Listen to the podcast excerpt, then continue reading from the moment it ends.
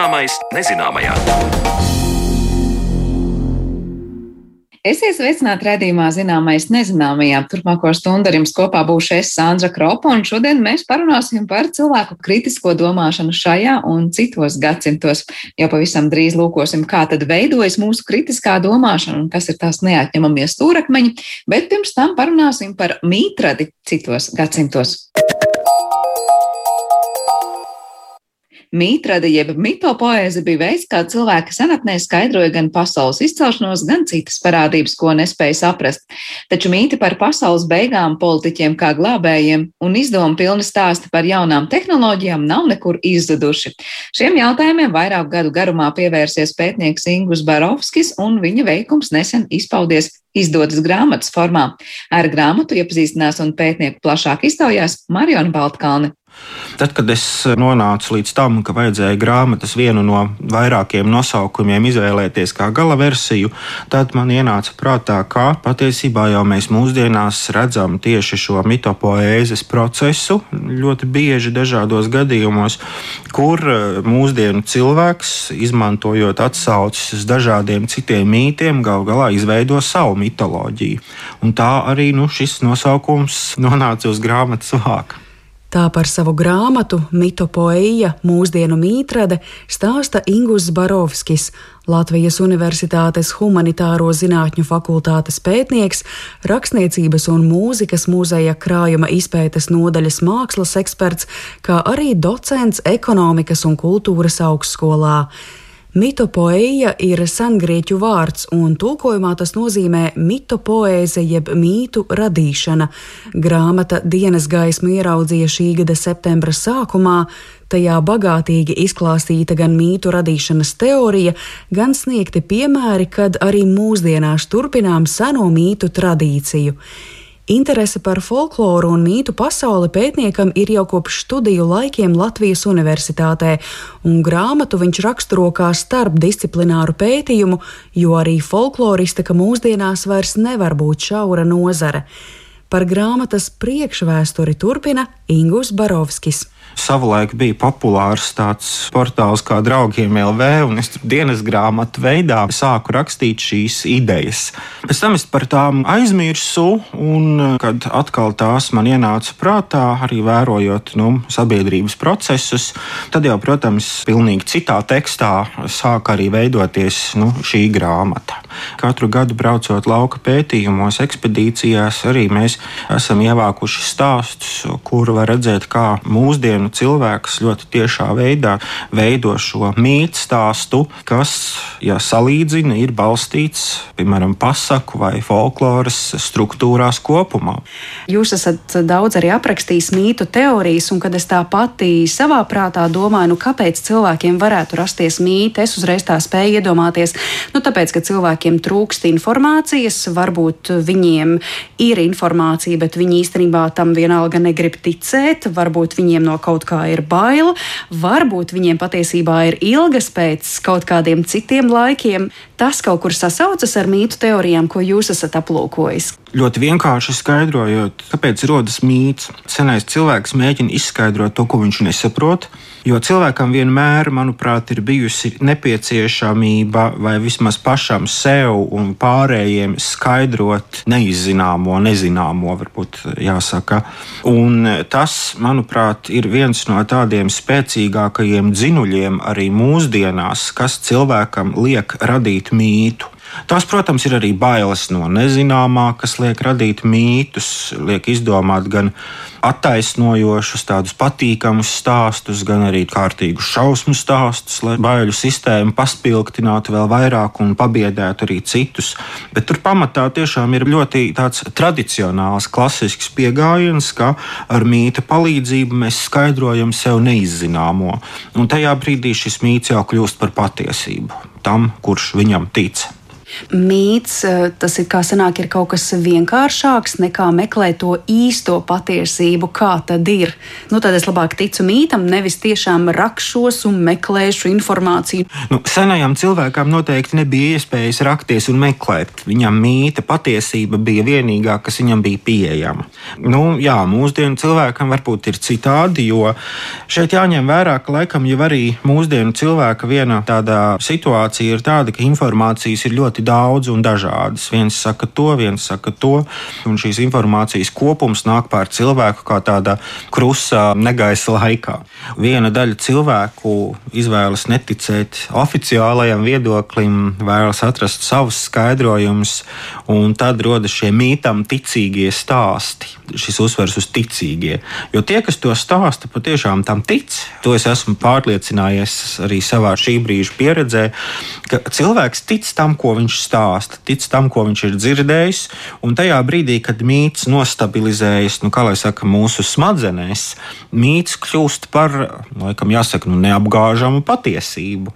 Un tādā gadījumā šiem cilvēkiem mīts ir visa pārējā apkārtējā informācija, viņa paša stāsts, ko mēs varam saukt par mītu stāstu, tā ir viņa patiesība. Un to, manuprāt, ir jau ļoti grūti mainīt. Ir ļoti grūti pārliecināt cilvēku par to, ka viņa patiesība ir izrādījusies tikai eh, mitoloģijas struktūrās balstīts veidojums, kas ir izmantots ar šo klasisko mērķi izskaidrot neizskaidrojamo, attaisnot bailes. Es teikšu tā, ir pētniecībā secināts, ka mīts neprasa atbildi uz jautājumu, kāpēc. Mīts sniedz vienkārši skaidrojumu, ka tā ir. Ja?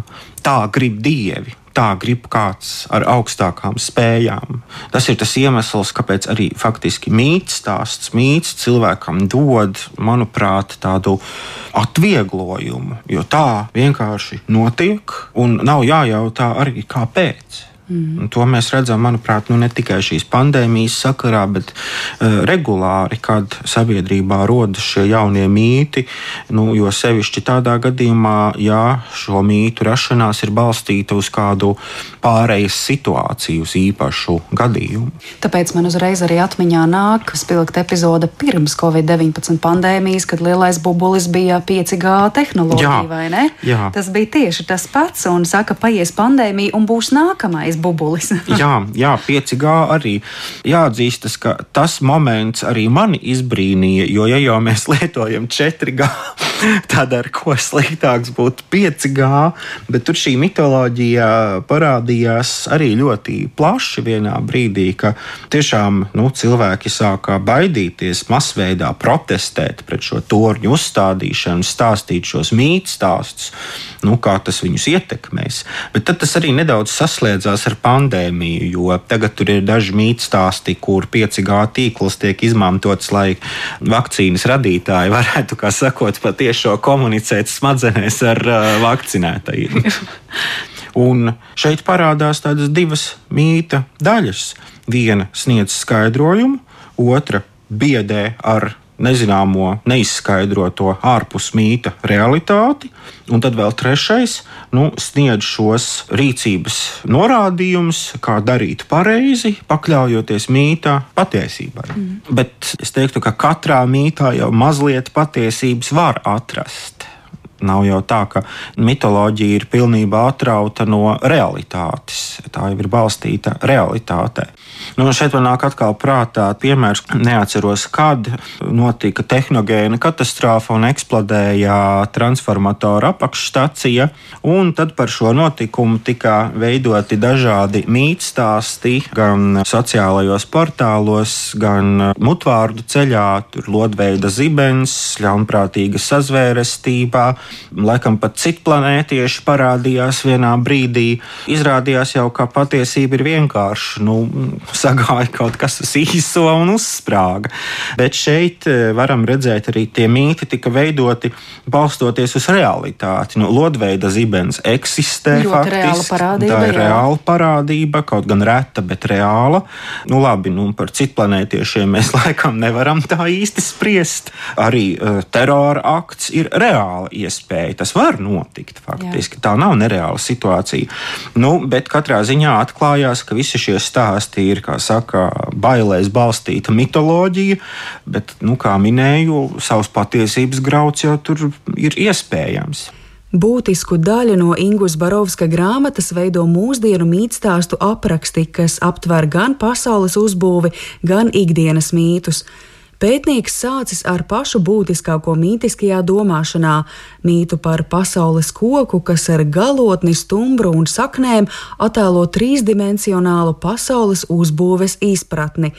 Grāmatā ietverti arī apraksti par politiķiem kā maģiskajiem glābējiem, skaidrojumi mītiem par pasaules bojāēju, skaistuma un jaunības kultu, seksuālo minoritāšu kopienu, kā arī citām parādībām, un grāmata balstīta Latvijas vidē.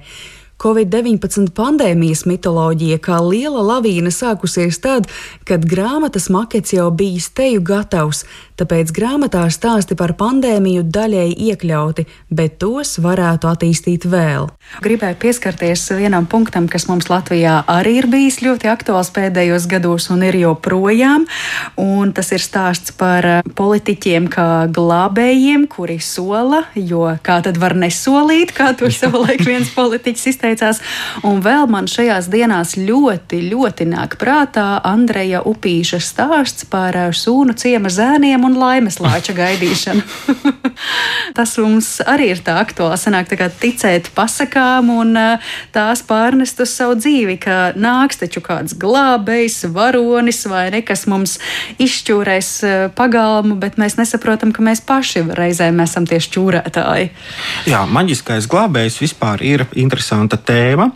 Krievu zinātnieks Vladimirs Props ir sastruktūrējis pasaku varoņus nu, pēc viņu darbības principiem un būtības, un viens no viņa struktūras punktiem ir maģiskais glābējs. Tad tāds, kurš atnāk tajā brīdī, kad pasakas varonim klājas pavisam slikti, atsevišķos gadījumos viņš pat ir nomiris, un ir nepieciešams pavērsiena punkts, lai pasakas sižets varētu turpināties. Tas nav tikai krievu pasakām, tas ir universāli arī, piemēram, latviešu tautas pasakās, un ne tikai.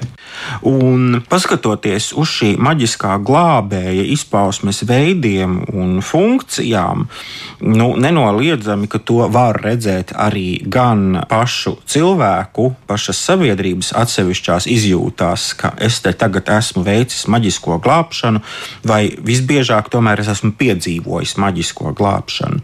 Un otrs ir šis piedāvājums kļūt par maģisko glābēju. Un, nu, politiskajā mitoloģijā visbiežāk jau, protams, tiek izmantot šis piedāvājums, ka es tagad atnākšu un atrisināšu visas jūsu problēmas. Tas ir ļoti izplatīti. Nu, es domāju, pirms vēlēšanām mēs to regulāri dzirdam. Nu, tagad mēs arī to dzirdam no dažu personu piedāvājumiem, kad viss piepieši būs labi. Piena upes ķīseļa krastos. Jā, jā, jā, mm. jā. Varbūt tas laimes lācis gluži nav maģiskais glābējs tādā ziņā, ka maģiskais glābējs, kā saka, tikai pakustina pirkstu un viss ir atrisināts. Ingūns Barovskis piemina vēl kādu grāmatā aprakstītu fenomenu, pirmātes tēlu, kas no mītiskās pasaules ir pārceļojis arī uz Latvijas sabiedrību. Šeit uzreiz ir jāpaskaidro, ka lielā pirmāte ir zinātnieku radīts apzīmējums. Folklorā mēs tādu neatradīsim, bet tā ir sieviešu kārtas dievība saistīta ar zemi, jaunas dzīvības došanu, ar dzīvības došanu kopumā, bet arī ar nāvi un nogalināšanu.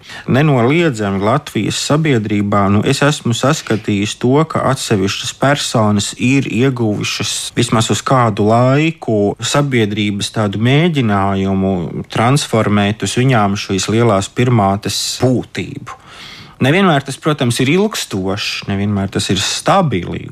Tur ir arī tālāk, kas notiek tad, kad no šīs lielās pirmātes ir jātiek vaļā. Bet, nu, jā, ir tādas eh, situācijas, kad tas patiešām ir noticis. Droši vien Vairavīķa Freiberga. Jā, Vairavīķa Freiberga. Man gribētos teikt, ka savā laikā, un varbūt arī vēl joprojām, vismaz atsevišķos gadījumos, Māra Zālīte nu, kā arī atmodas viena no tādām sejām ieņēma šo sievietes tēlu, kas nāk ar šīm lielās pirmātes idejām. Nevis viņa pati piedāvā šīs idejas, bet sabiedrība viņai kā uzliek vismaz dažus aspektus no tā. Sarunas noslēgumā pētnieks vēl norāda, ka mīts iezīmē ciklisko laiku, kas mūsdienu cilvēkam varētu pietrūkt. Mēs esam pieraduši dzīvot lineārajā laikā un visu laiku ejam uz priekšu. Mīts varbūt ir viens no tiem senajiem veidiem, kā straujajā sabiedrības ritmā nodrošināt šo mūžīgo atgriešanos, mūžīgo atjaunošanos, visu laiku radot jaunus mītus un uh, saglabājot vienlaikus šī mīta uzbūves formu, kas nemainās. Mainās jau tikai tas saturs, tā forma jau nemainās. Mm, tas ir varbūt tas, kas mums kā cilvēkiem patiesībā ir nepieciešams. Ne? Šī atgriešanās stāsts par to, ka mēs radām un pārradām no jauna. Jā, par to daudz ir rakstījis arī pētnieks, teologs gan Mirčēlis Ade, mīts par mūžīgu atgriešanos. Jā, izējot no tā, mēs to varam sasaistīt, ka patiešām mums tas varbūt ir nepieciešams. Par mītrades teorijām un mītu aktualitāti mūsdienu Latvijā manai kolēģei Marionai Baltkalnei stāstīja Latvijas Universitātes humanitāro zinātņu fakultātes pētnieks, rakstniecības un mūzikas muzeja krājuma izpētes nodaļas mākslas eksperts, kā arī docents ekonomikas un kultūras augstskolā Ingus Barovskis. Bet par to, kas ir kritiskā domāšana un kā to attīstīt, mēs runāsim raidījuma turpinājumā.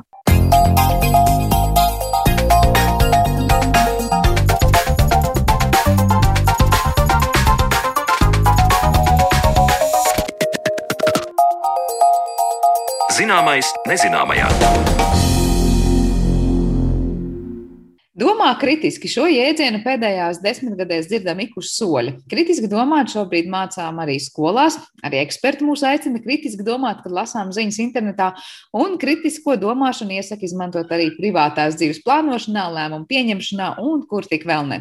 Kādas tad ir mūsu spējas domāt kritiski un cik kritisku domāšanu no mums, emocionālām būtnēm, vispār varam sagaidīt? Par to mēs šodien runāsim mūsu atlikušajā raidījuma sadaļā, kad uz attālināto sarunu studiju esmu aicinājusi komunikāciju komunikācijas zinātnes doktori un biznesa konsultanti Olga Procevska. Sveika, Olga! Sveiki! Es varbūt sākšu ar pavisam vienkāršu jautājumu par to, kas ir kritiskā domāšana, jo no vienas puses liekas, nu, kur beidzas uh, domāšana, kad mēs kaut ko vienkārši ļoti kritiski kaut kam pieejam un sākam, var teikt, kritizējoši domāt. Un kur tomēr sākas tā veselīgā pieeja, kur mēs vienkārši izvērtējam ļoti, nu, var teikt, skrupulozu informāciju, kas, kas nonāk mūsu rīcībā. Kā tu skaidrot, kas ir kritiskā domāšana? Pirmkārt, es sāktu no tā, ka kritiskā domāšana noteikti nenozīmē piekasīšanos, piesiešanos un matu skaldīšanu. Kritiskā domāšana, tā kā es to saprotu, un tā kā arī saprotu to Latvijas um, jaunais izglītības standarts, ir uh, spēja um, pastāvīgi, neatkarīgi un objektīvi izvērtēt informāciju, kas ir nonākusi tavā priekšā, un arī pieņemt uz šīs informācijas pamata lēmumu.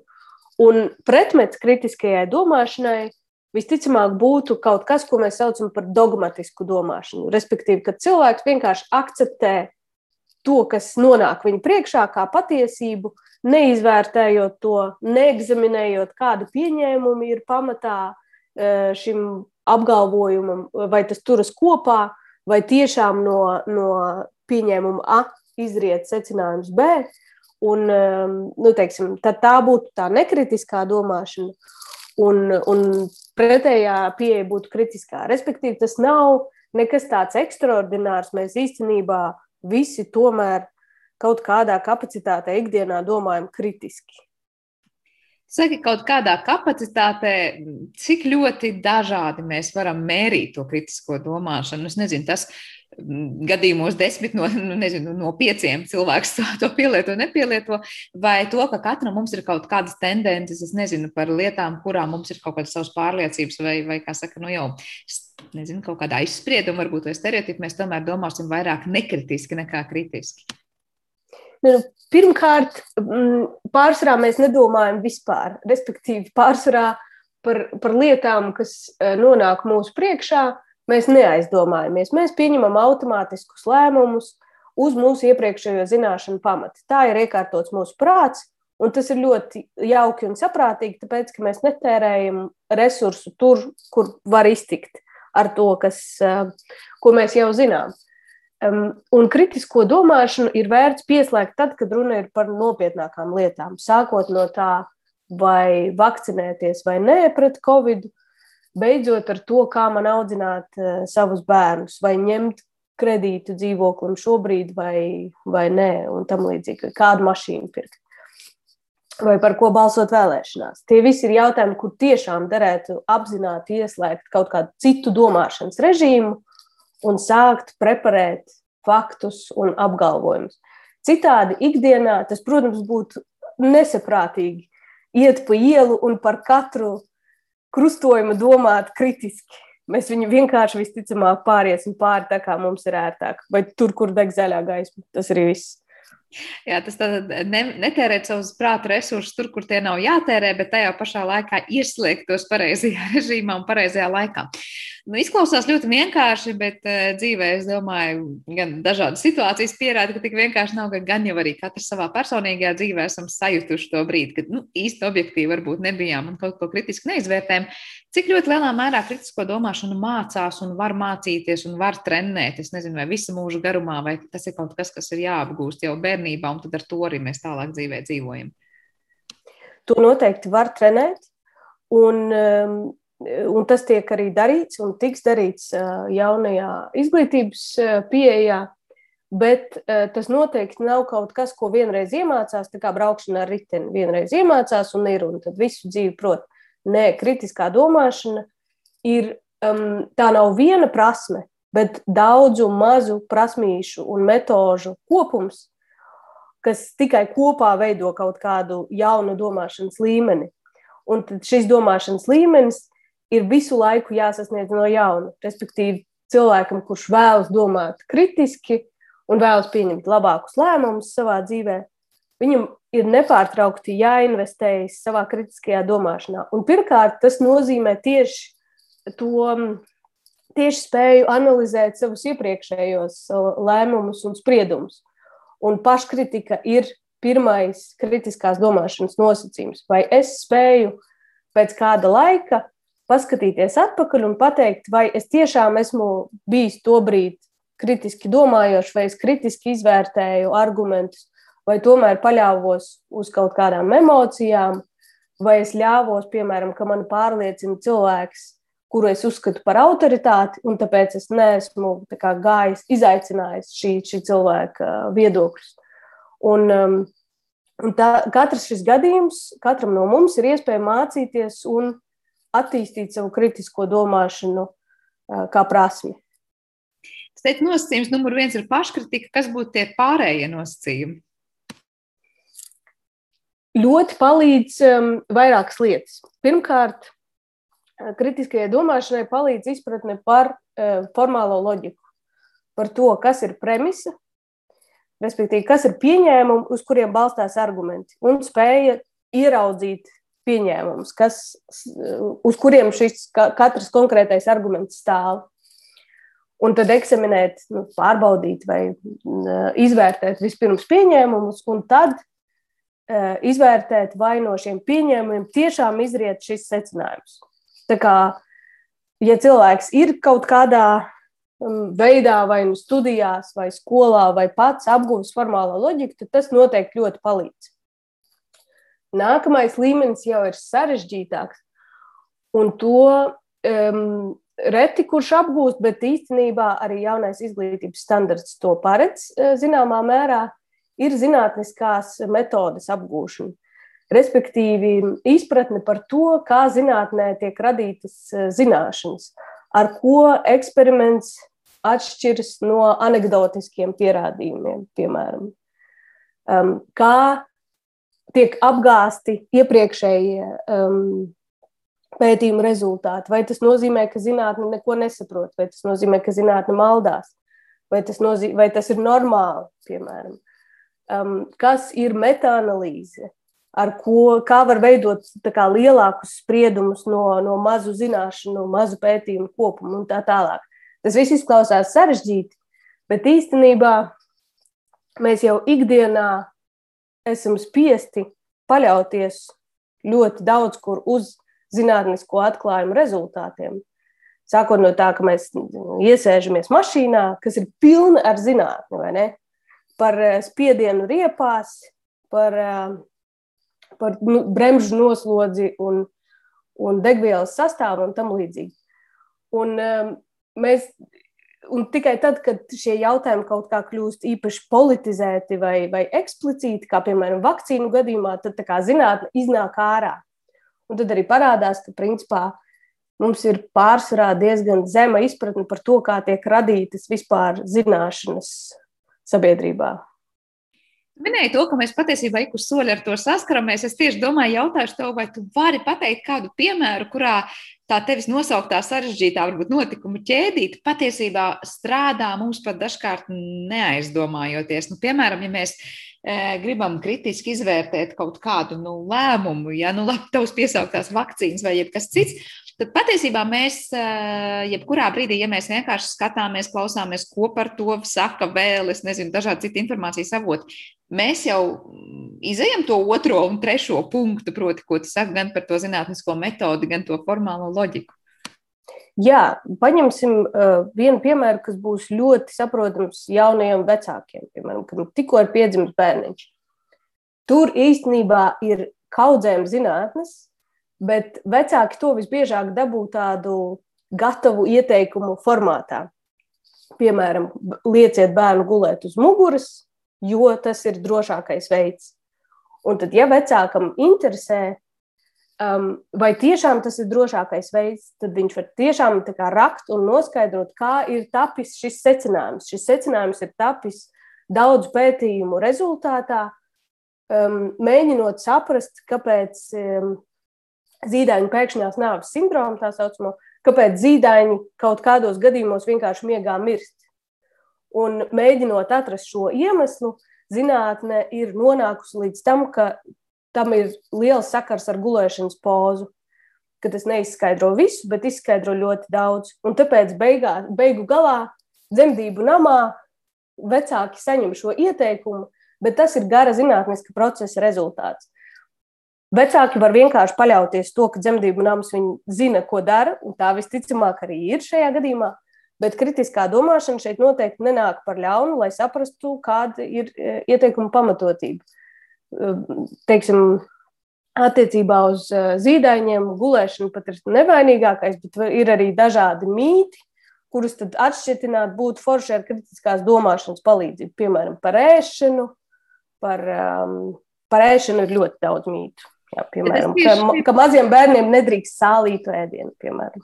Bet te ir tieši nonākuši esam pie tā aspekta, ka tad, kad tev ir jā, jāņem un jāpārbauda tagad tā informācija, ja tu neesi jomas eksperts, tad ļoti bieži varbūt nu, sanāk apjukt cilvēkam lasot, es nezinu, vienu vai otru argumentāciju par vai pret atbilstoši kā nu kurai jomai.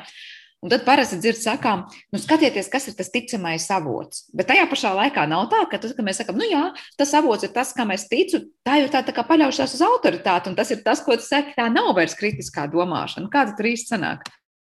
Es teiktu, ka paļaušanās, ka izvērtēšana avotu līmenī tomēr ir ļoti riskanta. Un savukārt tas, ka cilvēki domā, ka, ja es neesmu mediķis, piemēram, tad es nespēšu nekad saprast, vai ir pamats vai nav pamats kaut kādai rekomendācijai. Tas tā gluži nav. Um, nav nepieciešams um, superdziļas zināšanas konkrētajā tēmā, lai saprastu, vai zinātnē balstīts apgalvojums patiešām ir zinātnē balstīts vai nav. Un tur ir tieši vairāk darīšana nevis ar konkrēto tēmu, bet gan ar zināšanu radīšanas metodēm. Tieši zinātnisko metodu, par ko es runāju. Respektīvi, nav jābūt mediķim, lai saprastu, um, ka kāds ieteikums ir balstīts teiksim, uh, kontrolētos eksperimentos, ja, kas ir droša zinātnes uh, metode, kas rada diezgan drošticamas zinātnes, zināšanas. Ja.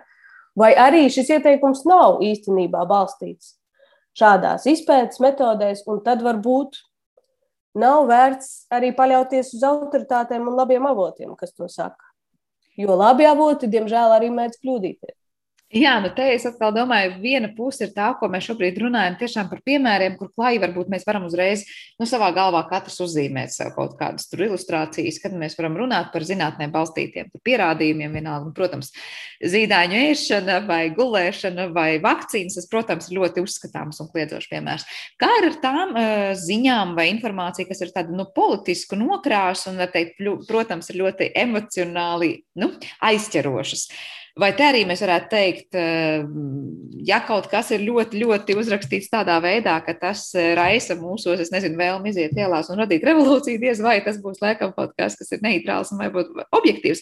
Taču nevienmēr. Kā tur orientēties tajā un pēc kādiem kritērijiem cilvēkiem atlasīt šo informāciju, lai neuzķertos uz to, kas nu, nebūtu tā kā uzķeršanās vērts, teiksim tā? Politiskās tēmas, protams, ir sarežģītākās, jo tur maisās kopā viss. Tur maisās kopā gan fakti, gan mūsu pašu idejas un vērtības, gan mūsu pašu individuālā pieredze, un uh, gan mūsu priekšstati par ideālo variantu vai ne par ideālo politiku. Un tas viss veido tādu kokteili, kas principā padara kritisko domāšanu ļoti, ļoti sarežģītu nu, tajā ikdienas realitātē. Un, um, un šeit galvenais uh, instruments, manuprāt, ir spēja nedaudz iziet ārā no savas pozīcijas pas un paskatīties uz problēmu no citas skatu punkta. Iespējams, no kaut kāda savu ideoloģisko pretinieku skatu punkta. Es teiksim, šajā gadījumā, ja cilvēkam ir kaut kāda ļoti stingra pārliecība par um, pareizo partiju, par kuru būtu jābalso vēlēšanās, piemēram, pamēģināt paskatīties uz um, situāciju no pilnīgi citas partijas atbalstītāja perspektīvas.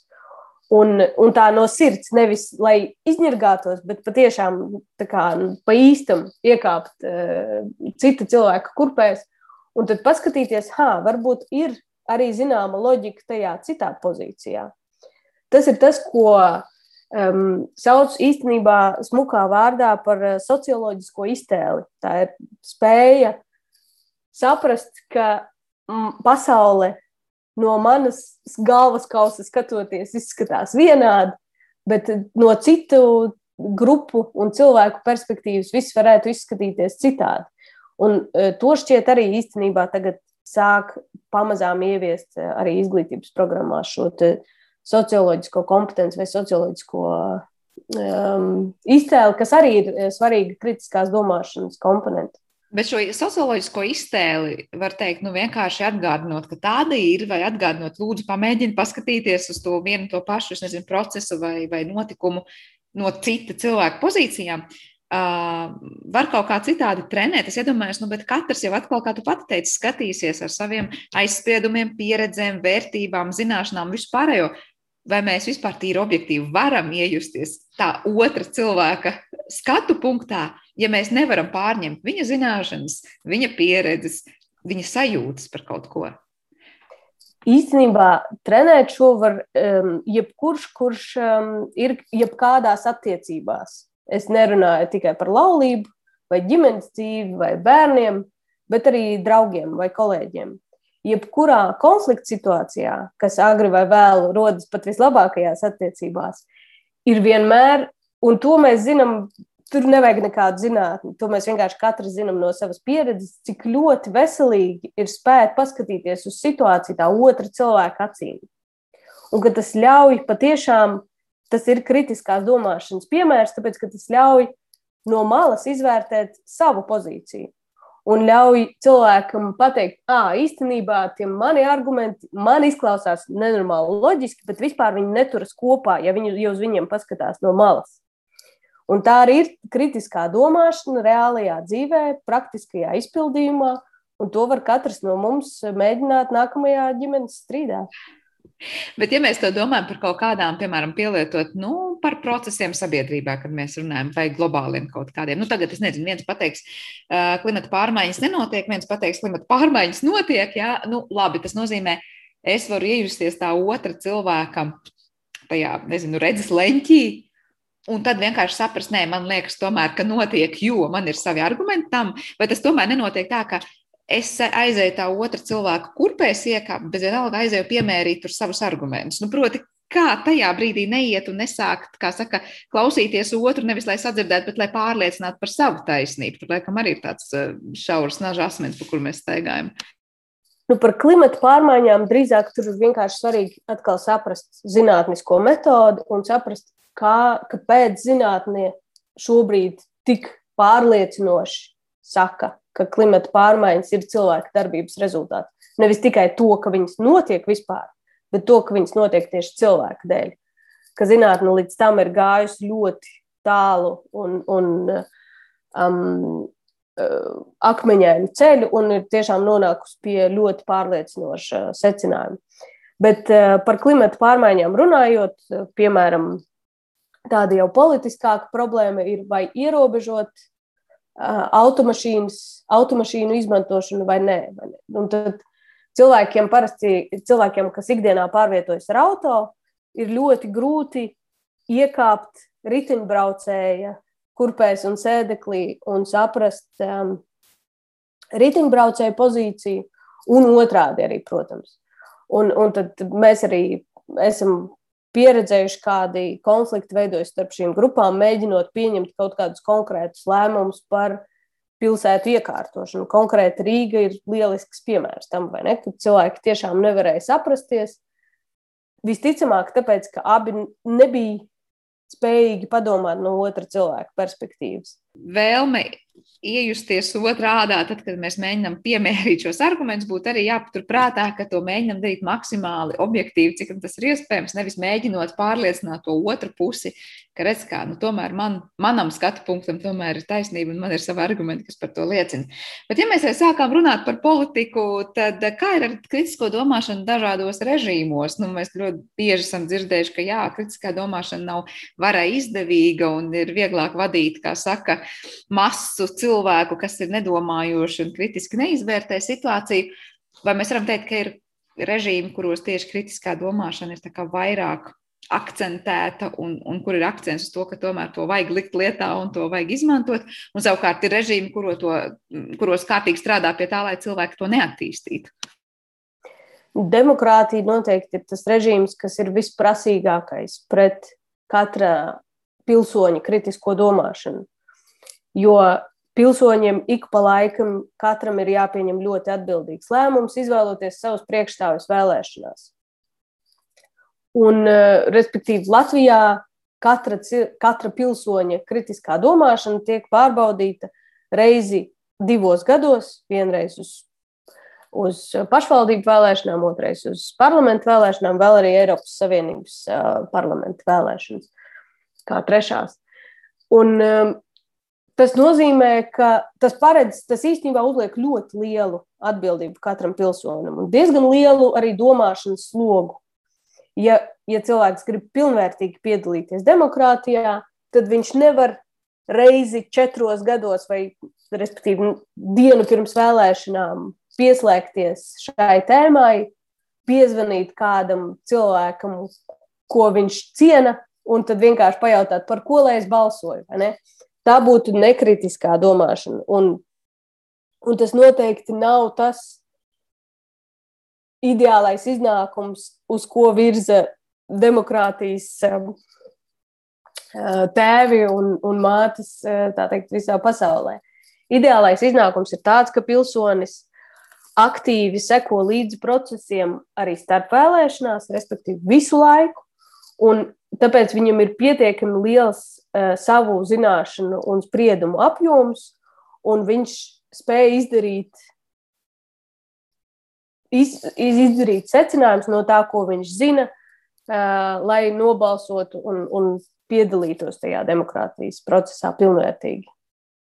Bet tas nāk no tevis teiktā, ka tas ir tik ļoti loģiski, ka sabiedrības, kas ilgstoši ir bijušas, piemēram, dažādos nedemokrātiskos režīmos, patiesībā pārējot uz šo demokrātisko režīmu, pakāpeniski arī mācās to kritisko domāšanu. Tā ir tāda lieta, ko nevar no sabiedrības gaidīt jau, es nezinu, pirmajās vai otrajās vēlēšanās.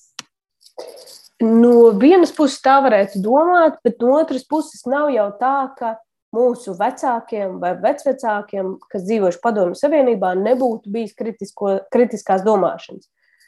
Disidenti ir skaidrs piemērs, vai ne? Cilvēki, kas izaicināja varu, kas nepirka teikt, par, par skaidru naudu um, varas piedāvātos diskursus. Bet arī ikdienas parasti cilvēki, viņi arī kritiski izvērtēja, kādos gadījumos viņiem aiziet uz demonstrāciju, kādos gadījumos viņi varētu neiet un nosačkot, tā teikt, kādos gadījumos viņiem kādiem vārdiem paust kādu atbalstu, lai, tā teikt, izpildītu varas prasības, bet vienlaikus arī savu pārliecību nepārkāpt. Tā kā īstenībā padomu pilsoņiem, lai gan oficiāli bija kā, izskatījās pēc pakļaušanās varai, cilvēkiem ikdienā bija ļoti daudz stratēģiju, kā dzīvot kritiski arī šajos apstākļos un domāt kritiski šajos apstākļos. Un bija arī, kas ir svarīgi, Padomju Savienībā bija diezgan izplatīta kolektīvā domāšana, kad cilvēki nevis sliktajā šī vārda nozīmē, kā grupu domāšana, bet gan tiešām tāda domāšana, kurā cilvēki sanāk kopā, dažādi cilvēki, un, uh, un mēģina kopā nonākt pie kaut kādiem labākiem secinājumiem, kas īstenībā arī dzen, ir ļoti labs instruments. Viens pats cilvēks diezgan ir pārāk pakļauts visādām domāšanas kļūdām, un, un no tā ir patiešām grūti izkļūt. Un tāpēc citu cilvēku palīdzība, kas ar tevi pastrīdās, kas tevi izaicina, kas, kas tev neļauj noformulēt argumentu, kas netur ūdeni, tas ļoti, ļoti palīdz kritiskajā domāšanā. Un šīs virtuves sarunas padomu pilsoņiem bija īstenībā ļoti svarīgs kritiskās domāšanas instruments. Tāpēc es noteikti ne, aicinu ne nenonivelēt to, kas ir bijis arī. Bet vai kritiskai domāšanai ir kaut kāds no, nezinu, kā jēdzienam atskaites punkts, kad vispār par kaut ko tādu sāk runāt vai to novērot sabiedrībā? Un es arī iedomājos, vai viduslaikos mēs arī varētu saskatīt kritiskās domāšanas elementus kaut kādās, nezinu, atsevišķās, es nezinu, kopienās vai, vai, vai jomās. Um, to noteikti labāk zinās viduslaiku vēsturnieki, bet es zinu, ka viņi arī ļoti iebilst pret tādu terminu kā tumšie viduslaiki. Tieši tā doma, ka nu, tajā laikā cilvēkiem nebija nekādas domāšanas, tikai tumsonība viscaur. Bija domāšana, bija, protams, arī kritiskā domāšana, bet tā bija noteikti var teikt, ka tā bija cita kritiskā domāšana. Tāpēc, ka tobrīd nepastāvēja um, zinātne mūsdienu izpratnē zinātne mūsdienu izpratnē tomēr sāka veidoties 19. gadsimtā. Un tas ir droši vien vēsturiski prātīgāks atskaites punkts kaut kādai zinātniskai un objektīvai domāšanai. Pamazām noslēdzot mūsu sarunu, es eh, gribēju tev vaicāt, nu, es nezinu, kā tādu recepti daudziem cilvēkiem, kā mēs vienmēr sakām, domājiet kritiski un izvērtējiet to informāciju. Kā īsti sanāk izvērtēt kritiski un, un, un pēc visiem tevis nosauktajiem parametriem, būtu jāskatās ziņojuma saturs vai ziņotājs. Kurā brīdī un kā mēs, lai kritiski domātu, saliktu pareizos akcentus? Manā pieredzē, jo mazāk mēs skatāmies uz ziņotāju, jo labāk. Jo ziņotāji, at, ziņotājs nāk līdzi ar lielām attieksmju bagāžām. Un, un tas nozīmē gan avotu, mēdīju, piemēram, gan arī cilvēku, kurš kaut ko pasaka ja mēs ļoti labi arī no savas ikdienas pieredzes zinām, cik dažādi ir mūsu attieksme pret vienu un to pašu padomu, ko mums dod cilvēks, kas mums patīk, un e, cilvēks, kas, kas mums nepatīk, vai arī cilvēks, kuram mēs esam samaksājuši, kā piemēram psihoterapeits. Viņš pasaka tieši to pašu, ko tev ir teicis um, tavs dzīves biedrs vai draugs, bet tu to uztver pilnīgi citādi, vai ne? jo tas it kā nāk no, no ārpuses un, un eh, nevis no situācijā iesaistīta cilvēka. Un, un tad um, šim argumentam it kā parādās cits svars, bet tas ir tas pats arguments. Līdz ar to, cik vien iespējams domāt par saturu un par to, uz, uz kādiem pieņēmumiem šis saturs balstās, Tas ir ideālais veids. Un, manuprāt, es turpinu par to runāt, ka vissvarīgākais instruments ir tieši paškritika. Ir um, retrospektīvi spēja atskatīties atpakaļ uz savu domāšanas procesu un mēģināt pieķert sevi pie nekritiskās domāšanas gājieniem. Jo katram no mums tādi ir, tas arī ir pilnīgi normāli. Par to nevajadzētu sevi šausmīt. Un noteikti cilvēki neiedalās tādos, kas vienmēr domā kritiski, un tādos, kas nekad nedomā kritiski. Visi mēs esam kaut kādos gadījumos kritiski domājoši, kad mums ir uz to resursu un kad mums ir interese pieņemt iespējami labāku lēmumu, tad mēs tiešām investējamies un spējam būt kritiski domājoši. Un tajos gadījumos, kad mēs ļaujamies visādām domāšanas kļūdām, tad tie paši cilvēki kļūst arī nekritiski domājoši. Un, un tas nozīmē, ka mums katram ir iespēja tomēr būt par kritisko domātāju, tad, kad mums tas patiešām ir svarīgi. Paldies, Tev, Olga, par tādu ieskatu gan tajā, vai teikt, kritiskās domāšanas anatomijā, gan arī tajā, kā tā veidojas un kā vislabāk varbūt to mēģināt eh, izkopt un, protams, kāds teica, nebaidīties arī būt paškritiskiem un visu laiku izvērtēt arī savu domāšanas procesu. Olga Procevska, komunikācijas zinātnes doktore un biznesa konsultants, šodien viesojas mūsu raidījuma studijā. Paldies par sarunu. Teikšu arī paldies producentei Paulai Gulbinskai, kas parūpējuši par šo raidījumu, mūzikas redaktoram Girtam Bišam, un ar jums kopā bija Sandra Kropa, kas ar jums būs kopā atkal rīt šajā pašā laikā. Visu labu!